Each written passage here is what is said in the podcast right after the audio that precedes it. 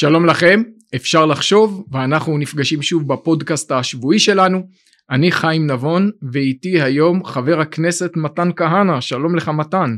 שלום הרב חיים נבון. כן, בוא נודה קודם בפני צופינו גילוי נאות. שאנחנו בני דודים. כן. ואני רוצה להגיד לך, שכשאתה הושבעת לחבר כנסת אני מאוד התרגשתי כי חשבתי על סבא שלנו ואמרתי הלוואי הלוואי שמישהו היה לוחש באוזן לסבא ראובן שיוצא ב-1945 מהמחבוא ושואל האם עוד נשארו יהודים בעולם שמישהו היה לוחש לו על הרגע הזה אתה יודע. אה, כן גם אה, ציינתי את זה בנאום הבכורה שלי בכנסת את אה, סבא ראובן ובאמת את, ה... את הסיפור שכולנו מכירים שהוא חשב שהוא היהודי האחרון בעולם כשנגמרה המלחמה ופתאום שהנכד שלו גמר קריירה של כמעט 30 שנות שירות בצה"ל ואחרי זה בבית הנבחרים של עם ישראל זה באמת היה אירוע מרגש עבורי. כן אנחנו שקועים אתה יודע בטח כשמדובר בפוליטיקה בבוץ הדי מעצבן של היום יום אבל כשאתה מסתכל במבט על וואו כלומר מה קורה פה ואיזה תהליך אנחנו חלק ממנו זה משהו אחר. Uh, לחלוטין אני ממש מרגיש שזכינו לחיות uh, בתקופה ניסית ובאמת הפער הזה בין uh, סבא ראובן שלנו שלפני 75 שנה עוד היה במחבוא בהולנד והנה אנחנו פה במדינה ריבונית ועצמאית שהיא מעצמה אזורית. זה לא יאמן. זה נס.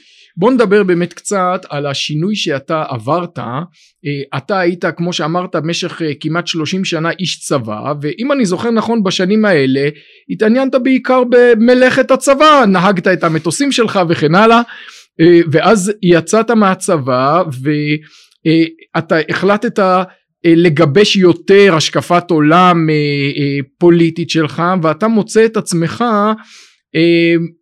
אני חושב קרוב מאוד לחשיבה שמרנית אני צודק בתיאור הזה? אתה צודק לחלוטין וגם כאן זה צירוף מקרים או נס איך שאתה רוצה לקרוא לזה אבל אה, כשאני הבנתי שאני עומד להשתחרר מהצבא יצרתי קשר עם מי שהיה פרופסור שלי למשפטים פרופסור גידי ספיר וביקשתי להיפגש איתו מתוך מחשבה להציע לו שאני אבוא לעשות אצלו דוקטורט במשפטים. הוא אמר לי תשמע אני יושב באיזה מקום שנקרא קהלת תבוא לשם וניפגש שם. ואז הגעתי למקום הזה, לא הכרתי את המקום, ושאלתי את אה, פרופסור ספיר, מה, איפה אנחנו? אז הוא סיפר לי קצת על אה, קהלת, והתחלתי להתעניין, ופתאום הבנתי שיש איזה מאץ' מטורף בין האופן שבו אני חי את חיי, לבין התיאוריות ש... שיודעות להסביר למה אני חי את חיי כמו שאני חי אותם. באופן כללי אני חושב שהישראלים הם ברובם שמרנים לא רק כתכונת אופי. אלא גם כעמדה כהשקפת עולם אבל לא תמיד זה מתווך להם נכון עולם הידע וההשקפה וההבנה מאחורי זה. כלומר התיאוריות שרווחות באקדמיה הישראלית בתקשורת הישראלית באות ממקום אחר לגמרי והן לא הולמות את אורח החיים של רוב הישראלים שהוא מאוד משפחתי ומאוד לאומי ומסורתי במידה רבה יש איזה משהו מאוד uh, קוסם בתיאוריות ה... של השמאל, אולי אפילו השמאל הפרוגרסיבי, זה משהו, זה נשמע כזה מאוד uh, נאור ומתקדם ו- ואוטופי, ואני חושב שאולי ההבדל הכי גדול בין השמרנות לפרוגרסיביות, זה הזה, ש... או לשמאלנות, ה... ואני לא אומר את זה כדבר רע, בסדר? אבל uh, הם חיים, הם שואפים לאיזה עולם אוטופי uh, שהוא לא מחובר למציאות, ואנחנו בעצם באים להתמודד עם המציאות uh, כמו שהיא, לתת פתרונות מעשיים לחיים עצמם, ולחיות uh, באמת uh, מתוך uh, איזשהו, איזושהי אמת. Uh, ומה שאני ראיתי זה שהתיאוריות שלמדתי uh, להכיר שם דרך החבר'ה של קהלת, פשוט נותנות לי איזשהו uh, רקע אקדמי לכל החיים שאני חי אותם, וזה באמת היה גילוי מאוד מאוד uh, מעניין מבחינתי. גם נחשפתי אז אפרופו לפריגר יוניברסיטי אם אתה יודע אה, מה זה, אני, לשמחתי קרן תקווה אה, עכשיו אה, עובדת על לתרגם לעברית חלק מהפודקאסטים שלהם, אבל גם אלפי סרטונים של חמש דקות, כל אחד מהם מסביר איזה נושא בראייה, בתפיסת עולם שמרנית, וזה פשוט נופל על השכל, נופל על השכל. שזה אה, תרגום מוגזם מאנגלית נופל על השכל. אה אוקיי, אה, כן. אני, אני, אני נוטה אוהב להגיד שאם זה הגיוני זה ימין שמרני. אם זה הגיוני זה ימין שמרני, זה, בלי, בלי בלבולי מוח שאתה צריך עכשיו להסביר באלף הסברים ולעקם את המציאות כדי להוכיח שזה נכון.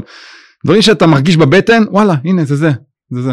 ואתה אמרת שההבדל אולי היסודי ביותר בין חשיבה שמרנית לחשיבה פרוגרסיבית הוא שחשיבה שמרנית לא מחפשת אוטופיות תיאורטיות מסובכות מדי לא אומרת בוא נתמודד כאן ועכשיו mm-hmm. וחלק מזה קשור בנקודה שהזכרנו של שייכות למעגלי זהות כלומר תיאוריות פרוגרסיביות הרבה פעמים אומרות בוא נתעלם מנתוני לידתנו שהם בסך הכל תקלה היסטורית אקראית ובוא נבנה הכל מאפס כולנו אזרחי העולם כולנו אה, האדם באשר הוא אדם לעומת חשיבה שמרנית שאומרת אין דבר כזה האדם אמר את זה הוגה צרפתי בדור של המהפכה הצרפתית אה, אין דבר כזה אדם יש צרפתי גרמני ישראלי אנגלי כלומר אנחנו מה שאנחנו בוא נקבל את מעגלי הזהות שלנו כן אני גבר אני ישראלי אני יהודי אני אני בן הדור הזה אני כל אלה נתונים שאני לא יכול לחמוק מהם לאיזה מציאות מופשטת. אה, לחלוטין ואני חושב אתה יודע הבעיה שתמיד יגידו לנו אה אז, אז אתם אה, אם אתם אה, לאומיים אז אתם גם גזענים אם אתם אם אתם מדברים על הבדלים בין גבר לאישה אז אתם שוביניסטים ואתם מיזוגנים. וזה כל כך לא שם, זה כל כך לא שם, זה ההפך, זה מתוך הייחודיות של כל אחד ואחד מאיתנו, יוצרים איזה חברה שהיא אה, חברה טובה, בריאה, ו- והכל בסדר, כל, אה, מקבלים את השונויות בין אה, אנשים, בין אה, ציבורים, בין לאומים, לא מתוך מקום של גזענות, אלא מתוך מקום של, אה, כן, של, של המעגלים, מעגלי הזהות האלה, שהם בעיניי מבורכים.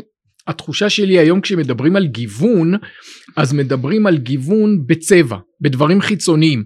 כלומר עושים פאנל אז רוצים שיהיה שם יהיה גבר יהיה אישה יהיה להט"ב יהיה לבן יהיה שחור יהיה חום אבל שכולם יחשבו אותו דבר.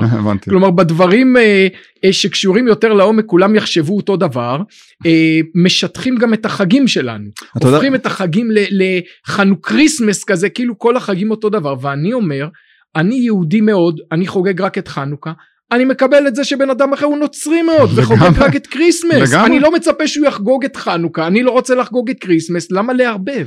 אתה יודע רק פה אה, מחוץ לאולפן פגשתי אה, מישהי מקרן, מקרן תקווה במטבחון ו, ודיברנו על שמרנות וליברליות ואמרתי לה שמרנים הם הליברלים האמיתיים כי אנחנו מתוך מקום של אה, חופש הדיבור חופש הבעת הדעה מתוך אנחנו אלה שבאמת מקבלים את כולם uh, כמו שהם אנחנו לא לא מנסים uh, כאילו לכפות עליך את עמדתנו אנחנו נותנים לך להגיד מה שאתה רוצה. הכל בסדר כאילו דבר כאילו תהיה מה שאתה תהיה נוצרי תהיה מוסלמי הכל טוב כאילו. זאת הערה נחוצה כי באמת האבות הקדמונים של חשיבה שמרנית הם לא כל כך קדמונים אנחנו מדברים על המאה ה-18 או ה-19 היו אנשים שהרבה זיהו אותם כליברלים. אנחנו מדברים על אדמונד ברק ואנחנו מדברים על אלכסיס דה טוקוויל הם כולם אנשים שזוהו כליברלים והם היו ליברלים באופן הזה שאתה מתאר ועם זאת הם היו מאוד שמרנים במובן של זהירות של חשש מתיאוריות מהפכניות נוקשות של קבלת הזהות שלהם. המושג ליברלי השתנה במאה ה-20 והפך להיות בפרט בארצות הברית הפך להיות משהו אחר לגמרי. אבל הליברליות המקורית שיש בה איזה מין צניעות אה, אינטלקטואלית וצניעות גם שלטונית השלטון לא צריך נכון, לעשות נכון. הכל היא מתיישבת היטב עם שמרנות. אה, לחלוטין אני ממש אה, מרגיש את זה אני אומר לך גם אה, עכשיו בתוך הפוליטיקה אני מרגיש שלפעמים אני מתקשה לייצג עמדות אה, שמרניות כי אני מיד חוטף על זה מתקפות אישיות אה, שהן אנטי ליברליות כי אם אני עכשיו אה, עוסק בשילוב של נשים ביחידות קרביות בצבא.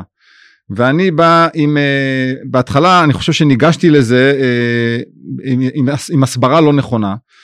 ושניסיתי רק לדבר על uh, מחקרים ודברים כאלה אז מיד הותקפתי אתה מיזוגן אתה אתה מפחד להודות שיש נשים שהן יותר טובות ממך ויותר מוצלחות ממך ויותר זה ואני בכלל לא שם. ולקח לי הרבה זמן להסביר לקהל שומעיי שזה בכלל לא קשור אחד לשני שאני משוכנע שיש נשים שהן הרבה יותר מוכשרות ממני וטייסות הרבה יותר מוצלחות ממני בטייסת וש, ושמי שחושב שנשים הן פחות טובות מגברים אה, יש לו בעיה מאוד מאוד חמורה. אבל באותה נשמע גם להגיד שמי שחושב שנשים וגברים זה אותו דבר יש לו בעיה חמורה לא פחות.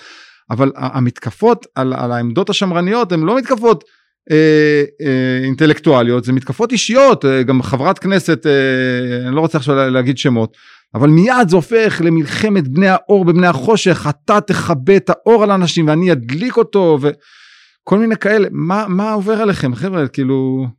הרי הליברל המובהק של המאה ה-19 ג'ון סטיוארט מיל בספר הכי גדול שלו הכי מפורסם על החירות הוא פותח ואומר כך לא מספיק שהממשלה נמנעת מלכפות על אנשים צריך שגם החברה לא תסתום להם את הפה כי חברה יכולה לסתום את הפה בהרבה יותר אפקטיביות מאשר הממשלה ואנחנו צריכים לתת לאנשים לדבר וזה האג'נדה הליברלית שהוביל ג'ון סטיוארט מיל הלוואי הלוואי שהיה אפשר לדבר היום אתה פשוט הרבה ממש, פעמים מרגיש אבל, שאתה לא יכול אתה יודע אבל uh, אנחנו גם צריכים להשתפר בזה כי אני אומר לך סתם למשל התפיסת עולם של כלכלה חופשית וליברלית משהו שאני מאוד מאוד uh, מנסה לקדם. Uh, וזה גם זה משתלב מאוד בתפיסה הזאת של שמרנות וכולי. Uh, איכשהו יוצא שאנחנו נתפסים כאלה שבעד העשירים ו- ואנחנו לא מצליחים להראות מספיק טוב לציבור שזה חמ- שזאת חמלה שהכלכלה הזאת היא חמלה כי יש פחות עניים. ו- ואנחנו צריכים להשתפר בזה באמת אני, uh... אני ראיתי במדד הדמוקרטיה דומני של המכון הישראלי לדמוקרטיה שהציבור הישראלי רובו עדיין תומך בפתרונות של מדינת רווחה חוץ מאוכלוסייה אחת וזה העניים. כלומר העניים הם האוכלוסייה שהכי תומכת במשק חופשי במדינת ישראל אולי בגלל שאלה האנשים שבאינטראקציה ממשית עם מוסדות מדינת הרווחה עם ביטוח לאומי והם אלה שרואים איך זה עובד אז הם אומרים אה, אה, אולי עדיף לנסות משהו אחר. כן אבל אה, אני פה באמת אה, מחפש עדיין את הדרך איך אה, את האמת שאני חושב שהיא נכונה להעביר החוצה שאנשים יבינו ש, שזה ממקום זה מקום של חמלה אמיתית המקום הזה של כלכלה חופשית וליברלית. אתגר גדול דרך אגב.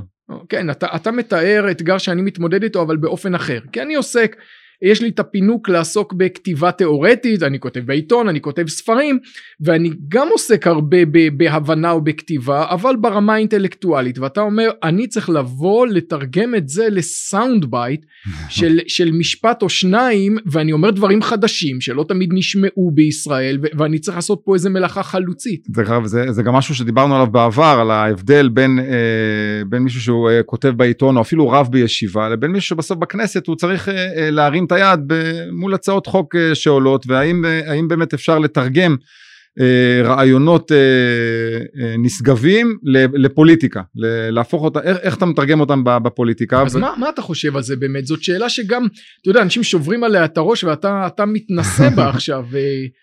יום יום.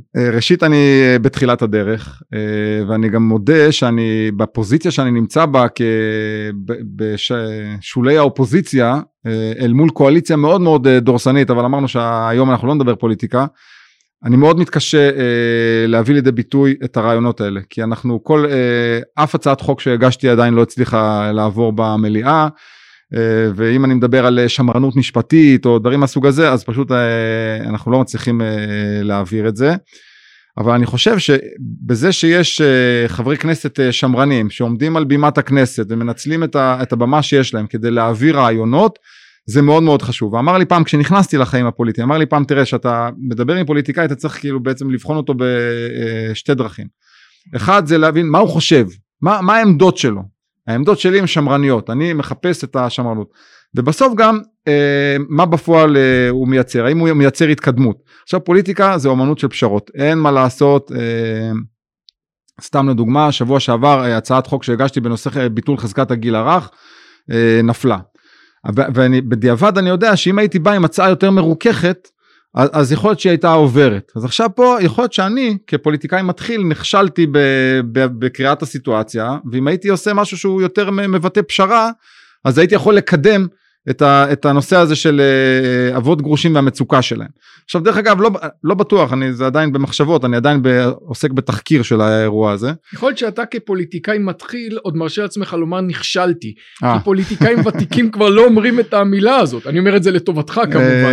אה, אני חושב, אני בא מחיל האוויר ושם אנחנו נבנים על הכישלונות האלה. אתה, כל החיים שלנו זה רצף של כישלונות קטנים שאנחנו לומדים מהם ומשתפרים. ומי שלא יודע לדבר על הכישלונות שלו הוא פשוט נחשב לא מקצועי. בסדר? זה לא מקצועי לא לדבר על הכישלונות שלך. רק מזה לומדים ומתקדמים. אז uh, אני עוד מקווה שזה לא יעבור לי. אני גם מקווה שזה לא יעבור לך, כי אתה יודע, הרבה, רוב הפוליטיקאים הישראלים, אתה לא רואה את זה כל כך עליהם. אגב, אתה גם אה, נמצא במקרה או שלא במקרה בסיעה, שיש אצל חבריה מלבד אה, דברים אחרים שאני, שאני אוהד בהם, רמה לא מצויה של אה, איזה נטייה רעיונית. כלומר חברי הסיעה ש, שמקיפים אותך כל אחד מהם יכול אה, אה, לשלוף איזה משנה רעיונית פוליטית לא כל חברי הכנסת עסוקים כל כך ב... אה, בהגות אני חושב. כן אבל אבל לשאלתנו הקודמת אני אומר לך בסוף פוליטיקה זה עולם של פשרות אתה יודע מה הנה נושא הקמתי גם שדולה לשיפור שירותי הדת. Uh, אתה יודע אם ניקח נושא, את נושא הכשרות בחזון שלי אני כן רואה מצב uh, שהרבנות הראשית היא רגולטור עם עוצמה מאוד חזקה והרגולטור הזה הוא מפקח על, על משק תחרותי של גופים שמעניקים כשרות. אבל אני מבין שעוד לא בשלה השעה לזה ועכשיו אני מחפש אתה יודע כמו שמרני שמחפש פתרונות למה שקורה בש... למציאות אז אני מבין שהבעיה הכי חמורה עכשיו זה נושא של משגיח מושגח, שוב לא רוצה להיכנס לזה, אז אוקיי בוא נמצא פתרון לבעיה הזו, נתקדם צעד אחרי צעד, זה מבטא פשרות, זה מבטא זה שאני לא אצא עם כל תאוותי בידי, אבל האם העולם נוסע קדימה בזכות הדברים שאתה מביא, אז, אז, אז זה המבחן הגדול. אז שוב, כן, אני אומר, כמו שאתה אומר, אני עושה פשרות על ההשקפה השמרנית, אבל באותו משפט גם אמרת, זה בעצם אומר להיות שמרן, להכיר בזה שתמיד החיים יהיו פשרות, בטח החיים, החיים הפוליטיים, כלומר אני לא אוכל להגשים את כל האידאות או הרעיונות או התיאוריות שלי, אוקיי בוא נעשה קצת קווץ' לפה או לפה, זה האופן שבו העולם מתקדם. חיימי, רק בגלל מה שאמרת עכשיו היה שווה לי לבוא לפה עכשיו. באמת סידרת לי עכשיו בראש משהו שהוא, אה, הנה אתה יודע, באמת הפשרות זה חלק מהשמרנות. יפה, לא, אהבתי. בוודאי, בוודאי. יש תפיסה שונה לגמרי של פוליטיקה בין פרוגרסיבים לשמרנים, שהפרוגרסיבים אומרים שהפוליטיקה היא כלי לשינוי דרמטי בעולם, ושמרנים אומרים שהפוליטיקה היא הזירה שבה אנשים צריכים להסתדר ביחד בהפעלת הכוח הריבוני. דרך אגב, אנחנו באופן כללי בימינה, אנחנו אומרים כל הזמן שאנחנו לא רוצים לנצח. לא, לא רוצים כאילו אנחנו לא רוצים אה, להכריע את הצד השני בסדר אנחנו מעדיפים לבוא בפשרות גם בנושאים של אה, דת ומדינה אני חושב, אתה יודע, אנחנו אה, הכרזנו שאנחנו אה, רוצים משהו בסגנון אמנת גביזון מדן. והיום אני חש שגם אם עכשיו הציבור ה, של הציונות הדתית יבוא ויגיד אנחנו רוצים גביזון מדן, מקבלים את זה, היום לדעתי ב, ב, בקצה החילוני שמאלי של המפה הפוליטית, שם לא תהיה נכונות אה, לקבל את הפשרות האלה. הם היום במצב שהם רוצים אה, הכל. והם לא במקום של אה, פשרות וזה מאוד מצער, אני אומר לך פגשתי גם אה, רבנים ש, שאנחנו, שנוהגים לכנות אותם חרדלים, מהקצה החרדלי של הקשת אה, הרבנית, ואמרו לי, תשמע מתן, זה כבר לא שאלה שאם אנחנו נגיד כן לגביזון מדן, זה השאלה אם יש בכלל בצד השני פרטנר אה, לדברים האלה, ואני חושש שזו הבחנה נכונה. כן אני אני דואג מאוד בהקשר הזה כי באמת שני הצדדים מבחינת שני הצדדים זה נהיה יותר בעייתי. כי מצד אחד מאז שרות גביזון זיכרונה לברכה והרב מדן ייבדל לחיים ארוכים מאז שהם ניסחו את האמנה הזאת בכל זאת עברו כ-20 שנה וקרה כל, כל מיני שינויים. אחד השינויים הוא שהצד הפרוגרסיבי נהיה הרבה יותר קיצוני. באמנת גביזון מדן יש הסכמה לנישואים אזרחיים אבל לא לנישואים חד מיניים היום הם יסכימו לבלוע את זה אני לא בטוח. ומצד שני אני חושב שגם אה, אה, הצד הזה צריך לדעת שכדאי להם גם להגיע לאיזושהי הסדרה בגלל ההתעצמות של הציבור החרדי. כלומר אנחנו נמצא את עצמנו בעוד 20 שנה עם ציבור חרדי מאוד גדול שאולי לא כל כך רוצה לעשות פשרות עם ציבור פרוגרסיבי שהולך ומקצין ואיפה אנחנו באמצע. אתה צודק, אתה יודע, אני גם אה, לאחרונה ישבתי בעוד איזה פאנל אה, עם הרב בראלי מחותם ודוקטור עליזה לביא שהייתה ביש עתיד והרגשתי מאוד באמצע אז הרב בראלי אמר לי אתה יכול להרגיש נוח אתה נמצא בין שנינו אבל דרך אגב אני חושב שגם אתה אולי תסכים על הניתוח של הסיטואציה. והניתוח של הסיטואציה היא שיש היום מאבק איתנים בין תפיסת העולם השמרנית לתפיסת העולם הפרוגרסיבית. והמאבק הזה הוא מאבק אה, קשה שתופס אותנו במגוון אה, תחומים. ו, ועל זה אני מסכים לחלוטין עם, אה, עם, עם נניח עם הרב בראלי מחותם שהוא מייצג קו מאוד חרד"לי בניתוח. אבל עכשיו השאלה היא איך אנחנו מגיבים. האם אנחנו מגיבים בזה שאנחנו מאזנים את זה על ידי הליכה עד לקצה הצד השני אה, כדי שבסוף זה איפשהו ייפגש באמצע או שמראש אנחנו מציגים עמדה אה, שהיא עמדה שהיא של פשרה. ואני חושב שהיום אולי בתוך הציבור של הציונות הדתית זה אולי משהו ש... אה, אה, הבחנה בין, אה, בין הציבורים בין כאלה שאומרים לא אנחנו נייצג עמדה מאוד מאוד קיצונית כדי להיאבק בפרוגרסיביות לבין אה, עמדה שאולי אני בא איתה שאומר לא לא אנחנו רוצים פשרות ואנחנו נבחר מראש בדרך של פשרה אנחנו לא מתפשרים על ההלכה אבל אנחנו כן מוכנים לפשרות באיך שהמדינה מתייחסת אה, לזכויות הפרט. אני אגיד לך למה אני מאוד מסכים איתך בנושא הספציפי הזה של דת ומדינה כי דווקא בנושא הזה לצד הקצנה אידיאולוגית יש התקרבות ממשית. כלומר ב- בשנות התשעים היה בישראל שני ציבורים גדולים מנותקים כמעט לגמרי. היה ימין דתי מסורתי לאומי ושמאל אוניברסלי חילוני הרבה פעמים אתאיסטי ממש שתי קבוצות מאוד מובחנות. והיום נוצר אמצע. יש מרכז כובד ישראלי ש, שנמצא באמצע והוא מאוד לאומי אין היום בישראל אנשים שהם אנטי לאומיים כמעט אני אומר. תסתכל על, על אפילו על המפה הפוליטית על סקרים כמה אנשים יש שיגידו שהם נגד עם ישראל בארץ ישראל? זאת שפה שנכנסה למיינסטרים הישראלי. יש מיינסטרים שהוא לאומי והוא פטריוטי והוא מסורתי.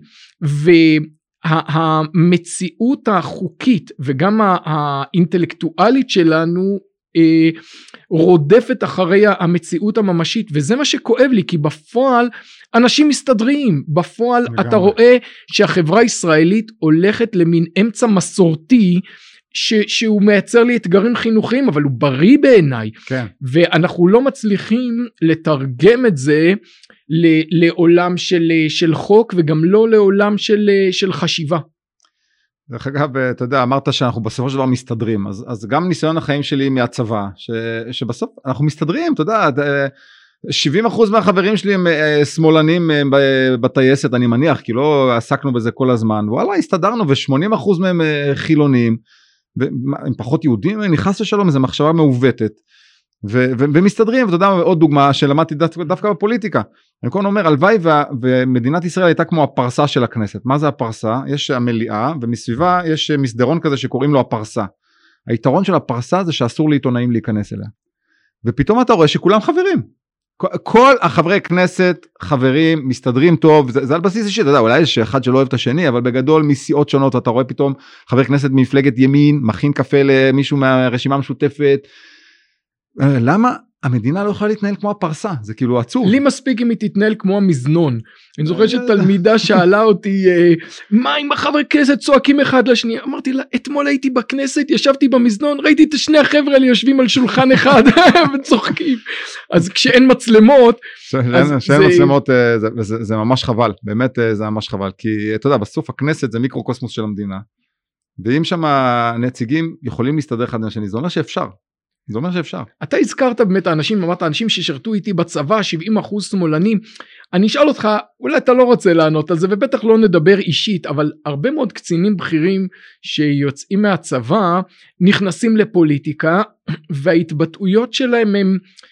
נגיד, מאכזבות בקיצוניותן אנשים hmm. שסמכנו עליהם והרצנו אותם בצבא ופתאום תופסים הרבה פעמים צד קיצוני בעולם הפוליטי עם חשיבה שהיא לא תמיד מורכבת והיא לא תמיד מרשימה ואתה אומר לעצמך אלה אנשים שבצבא עשו דברים מרשימים ש- שהובילו חיילים שסיכנו את חייהם מה קורה במעבר הזה מעולם הצבא לעולם הפוליטי. תשמע אז ראשית אני אה, יש באמת אנשים שקצת בעיניי איבדו את דרכם אני אה, בוא נדבר עם שמות כי אה, אני מסתכל על מישהו כמו יאיר גולן שוב שאני פוגש אותו בכנסת ויש לנו דיבור אה, ידידותי אבל אני, האופן שבו הוא מתבטא בציבורית הוא בעיניי מחפיר באמת אה, מחפיר ו, ו, ומה שאני לא הכרתי אותו כשהוא היה סגן רמטכ"ל ו, ולפני כן. אבל כשאני שואל חברים שלי שכן מכירים אותו אמרו תקשיב זה היה הקצין הכי לוחמן בצה"ל הכי עם סכין בין השיניים. אה, ואיש שעם ישראל חייב לו הרבה מאוד. לגמרי בוא לא נתבלבל לגמרי. אבל עכשיו כל הרטוריקה שלו היא רטוריקה של, של שנאה ושל פילוג ושל אה, באמת לקחת אותנו להשוואות ל-1933 כאילו שאנחנו זה כל כך לא שם למה הוא עושה את זה אני לא מצליח להבין אבל מול החברים שלי שעכשיו בוחרים בעמדות שמאל ציוני מוריד את הכובע הכל בסדר אני בטוח שהם אה, רוצים את טובת אה, מדינת ישראל בדיוק כמוני והם פטריוטים לפחות כמוני. אה, אתה יודע אדם הוא כור מחצבתו ובסוף אם מישהו מגיע מהתנועה הקיבוצית ואני אומר לך בטייסות שהגילאים שלי בחיל האוויר זה המון המון מתנועות ההתיישבות. והטייסים הצעירים פחות? אני חייב להגיד לך שאני פחות אני כל הזמן לא רוצה לא יודע אם לקרוא לך הרב חיים או חיים. זה יעבור כך או כך. אני רוצה להגיד לך שבאמת לשמחתי בצבא זה נון אישו בסדר אני לא זוכר את עצמי מנהל דיונים פוליטיים עם חברים בצבא באמת זה, זה, זה לא היה שם. Uh, עכשיו אחרי שיצאתי לחיים הפוליטיים אני, אז אני, כן יש לי שיח ברשתות החברתיות נניח עם uh, פורשי צה"ל שהכירו אותי בחיל האוויר וכולי אבל הטייסות לשמחתי הן נקיות מהדיונים האלה וכך זה צריך להישמר. ואני זוכר שהיה איזה פעיל של המפלגה שלנו שעמד אה, להתגייס לצה"ל ובברכה שלי אליו לקראת הגיוס אמרתי לו שים לב עד עכשיו היית מאוד מאוד פעיל פוליטית נגמר נגמר אתה הולך לצבא זה אסור כאילו, אסור שזה יקרה והצבא חייב להישאר נקי מהפוליטיקה. אה, אבל מה סוד ההצלחה של חיל האוויר? אצלנו ה- הלא חיל אוויר, אצלנו אלה שרצים על האדמה מתחתיכם הקטנים האלה, היינו אומרים שחיל האוויר הוא צבא זר ידידותי. אה, אני חושב שה-DNA של חיל האוויר יש בו כמה דברים שהם מאוד מאוד uh, משמעותיים והשימור הזה של ה-DNA של חיל האוויר הוא אחד האתגרים הכי גדולים של כל מפקד uh, בחיל האוויר. ולא פעם שמעתי מפקדי חיל האוויר לדורותיהם אומרים לנו ה-DNA שלנו זה הדבר הכי חשוב. וב-DNA הזה יש את הנושא של תחקור ושיפור ש- שזה לא מקצועי לא לדבר על טעויות. פשוט מי שלא מדבר על טעויות הוא נפלט מהטייסת הוא לא, הוא לא יכול להיות חלק מ- מ- מ- מלוחמי חיל האוויר. הסיפור הזה של מצוינות של תחרותיות חיל האוויר זה מקום מאוד מאוד תחרותי אני אומר לך לבוא בבוקר לט... לטייסת קרב אתה עכשיו במלחמה זה במלחמה כאילו מול החברים שלך מול הקולגות שלך מי יותר טוב וזה כל הזמן מחדד אותך והופך אותך ל- ליותר אה, שואף לניצחון והסיפור הזה של מצוינות שאתה מה שאתה עושה תעשה אותו כמו שצריך. זה נשמע באמת לא ישראלי התכונות האלה. Uh, תשמע אני, אני לא יכול להעיד על שאר הצבא כי גם המסגרת הראשונה שהייתי בה בסיירת מטכ"ל היא, היא מאוד מזכירה את הסגנון הזה. Uh, אבל אני, אתה יודע מה איפה שפגשתי את uh, צה"ל הגדול נניח בפום שפגשתי את דור המג"דים והיום זה כבר אוגדונרים אז התרשמתי מאוד לטובה. באמת התרשמתי מאוד לטובה. אה, אבל אני לא יכול להעיד על שאר הצבא אבל חיל האוויר זה בפירוש מקום שחרט על דגלו את התחקור ושיפור את המצוינות את הדיוק את התחרותיות וזה דבר שעובד. אז תגיד לי לקראת סיום מכל הדברים הרבים שמעניינים אותך ואנחנו עברנו פה ביעף על משפחה וכלכלה ודת ומדינה וצבא מה היית אה, בוחר לעסוק באופן ממוקד כלומר אם יום אחרי הבחירות הבאות היה בא אליך ראש הממשלה יהא אשר יהא ואומר לך מתן כהנא מה אתה רוצה להיות מה היית בוחר? תראה כרגע יש אה, שלושה נושאים שחרטתי על דגלי שאני מקבל המון פניות לעסוק בהרבה מאוד דברים ואני בוחן כל פנייה כזאת בהאם זה בחצי הכדור שאני נוסע אליו או שזה בחצי כדור שפחות מעניין אותי בסדר? אבל אני אומר לאנשים תראו אני יש שלושה נושאים שאני אה, קם בשבילם בבוקר ואני תכף אגיד אותם וכל שאר הדברים אני מוכן לעסוק בהם אבל בתנאי שאתם תהיו אלה שדוחפים אותי אה, או נותנים לי את העזרה. שלושת הנושאים שאני אה, קם בבוקר וחושב מה לעשות היום כדי שזה יתקדם אה, אחד זה הנושא המשפטי. אני חושב שהיום אה, הפרדת הרשויות בין הרשות השופטת המבצעת והמחוקקת היא נמצאת במקום רע מאוד. אני חושב שהרשות השופטת היא חשובה מאוד מאוד מאוד אבל היא, היום היא תפסה בעלות על כל שאר הרשויות וזה מצב לא טוב. אנחנו כבר לא בשלטון העם אנחנו באיזה שלטון של 15 מומחים אה, וזה בעיניי ואני חס ושלום לא עם D9 כי אנחנו, אנחנו השמרנים לא אוהבים להרוס. יותר אנחנו... מזה שמרנים הם בעד רשות שופטת חזקה לחלוטין. שמונעת פשע שמכריעה בסכסוכים שהיא אלא שהיא צריכה להתמקד בתפקידיה לח... בלהכריע סכסוכים בלהעניש פושעים ולקבוע מגבלות לרשויות שלטון. לחלוטין אה, שם ממקום בונה ולא ממקום הורס בסדר אנחנו אוהבים את השינויים שלנו אה, מדודים, מדודים וזהירים. Okay. כן. אז, אז זה הנושא ובעיניי דרך אגב אני חושב שאם אתה שואל אותי על חשוב ודחוף אז זה הכי חשוב. זה הכי חשוב כי זה משפיע על כל מה שקורה במדינה הדבר הזה. אני כן אני גם עוסק בנושא כלכלה חופשית וליברלית כל המאבק בוועדי השלטר והתמיכה בעסקים קטנים במיוחד עכשיו בקורונה התחלתי עם זה עוד לפני אבל אה, גם זה מאוד מאוד מדבר עליי והנה ושים לב שאלה שני נושאים מאוד מאוד אה, שמרנים אה, שיש בהם אמירה מאוד שמרנית לפחות באיך שאני מתייחס אליהם והנושא השלישי זה דת ומדינה. זה נושא ש, שחשוב לי שמעסיק אותי אני מאלה שרוצים לבוא ולתת אה, פתרונות בהסכמה. אני חושב שהרבה אה, פעמים ח"כים מעלים כדי לזכות באיזה, באיזה ניצחון פוליטי קטן, ואני קורא לזה שיטת הסלאמי ואני לא אוהב את זה אני הייתי מעדיף באמת לקבל את זה. כמקשה אחת בסוג של אמנה ופגשתי כבר כמה אה, רבנים מה... מהציונות הדתית. אמרתי להם שבסתר ליבי אני מקווה ש... פתאום מישהו יבוא עם אמנה כזאת שהוא אה, תהיה התארגנות של כמה רבנים חשובים עם כמה אנשים מאוד מאוד משפיעים מהצד השני והם בגדול יכפו עלינו אמנה חדשה. ואתה יודע, זה לא, זה לא, לא, יהיה אתה יודע. אבל, אבל חיימי, הרי לא כל דבר צריך לנבוע מהכנסת. לא, לא, אבל הם לא יכפו. לא, עכשיו, אני, אני רוצה לראות מישהו, אתה יודע מה, אם יבואו אה, אה, גדולי השמות משני הצדדים ויגידו, הנה, זו, הגענו לזה בהסכמה. מי יגיד לא? מי יגיד לא? אני לא, אני לא חושב שאני אוכל להגיד לא לכזה לא דבר. אתה, יש אנשים שמלאכתם להגיד לא. בסדר, אז, אז הדובי לא לא האלה, אי אפשר שהם אה, יכתיבו לנו את החיים, ואתה יודע מה, הלוואי ויהיה איזה יוזמה כזאת, שהיא לא צריכה לפגוע מהכנסת, שיבואו וישימו את האמנה הזאת, האמנת גביזון מדן אה, 2020 נקרא לה, ו- ונקבל אותה, ויהיה פה טוב, באמת, כאילו, אתה יודע, מה שיפה, אני, אני חושב שאני מהבודדים שאשכרה קרא את האמנה הזו, אה, זה יפה לראות שגם הרב מדן וגם רות גביזון זיכרונה לברכה, משוכנעים שאם האמנה הזאת תתקבל, הצד שלהם יהיה לו יותר טוב. ש, שאומר הרב מדן, היהדות תראה יותר טוב, ואומרת אה, רות גביזון ז"ל, שיהיה יותר חופש הפרט אם הדברים האלה יתקבלו, ואפשר, אפשר לעשות את זה ככה. לזכותם ייאמר שנעשו הרבה ניסיונות לנסח כל מיני אמנות והצעות ושלהם הכי מוצלחת ודאי הכי התקבלה נכון. בציבור כל מיני מפלגות גם שלא מתכוונות אליה מצטטות אותה כן, חלק חושב שהם- מהמפלגות מצטטות אמנת גביזון מדן ומתכוונות לאמנת גביזון גביזון נכון. אבל אבל אני אני מסכים איתך גם שהיא צריכה עדכון נכון. אני מסכים איתך גם שהיא חיונית ואני אחתום בדבר שכבר אמרנו יש נושאים שהוויכוח עליהם באמת מתחדד וקשה מאוד לפתור אותו בנושא כלכלה בנושא אבל דווקא בנושא של דת ומדינה אני מרגיש שבפועל אנשים התקרבו וחבל שזה לא בא לידי ביטוי בממלכתיות שלנו. אגב, אני באמת אם זה משפט סיום, בסוף אה, המדינה זה כלי כדי שאנשים אה, יוכלו לחיות כשהם לא מסכימים אחד עם השני. ואני מהצד שלי מקבל על מלא את הכללים. זאת הדמוקרטיה שלנו, אני, יש לי ביקורת מפה עד מחרתיים על הרשות השופטת ואני עושה כל מה שאני יכול אה, במסגרת החוק כפרלמנטר להביא אותה למקום שאני חושב ומאמין שהיא צריכה להיות בו, אבל אני תמיד מקבל את חוקי המשחק. ואם כולם יקבלו את חוקי המשחק, אז אנחנו נהיה במקום נפלא, כי הכל בסדר, נתווכח כמה שאנחנו רוצים, אבל כשכולם מקבלים את חוקי המשחק, זה, זה יכול לנסוע. בן דודי חבר הכנסת מתן כהנא היה לעונג אני אתקשר לספר לאימא שלי תודה רבה לך. דש לדודה רחל.